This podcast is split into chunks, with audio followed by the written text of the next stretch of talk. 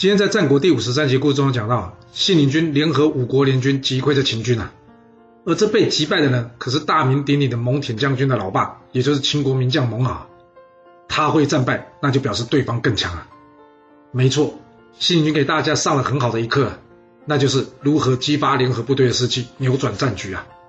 要知道，联合军队最大问题呢，那就是只能赢不能输啊，因为大家是来分好处的，不是来耗损自己啊。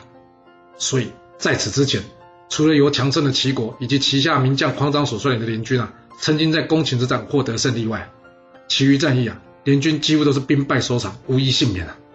所以人多就会赢嘛，人多是种优势，但并不是人多就能赢啊。只有了解人性，你才能像信陵君一样扭转自己人生的战局啊。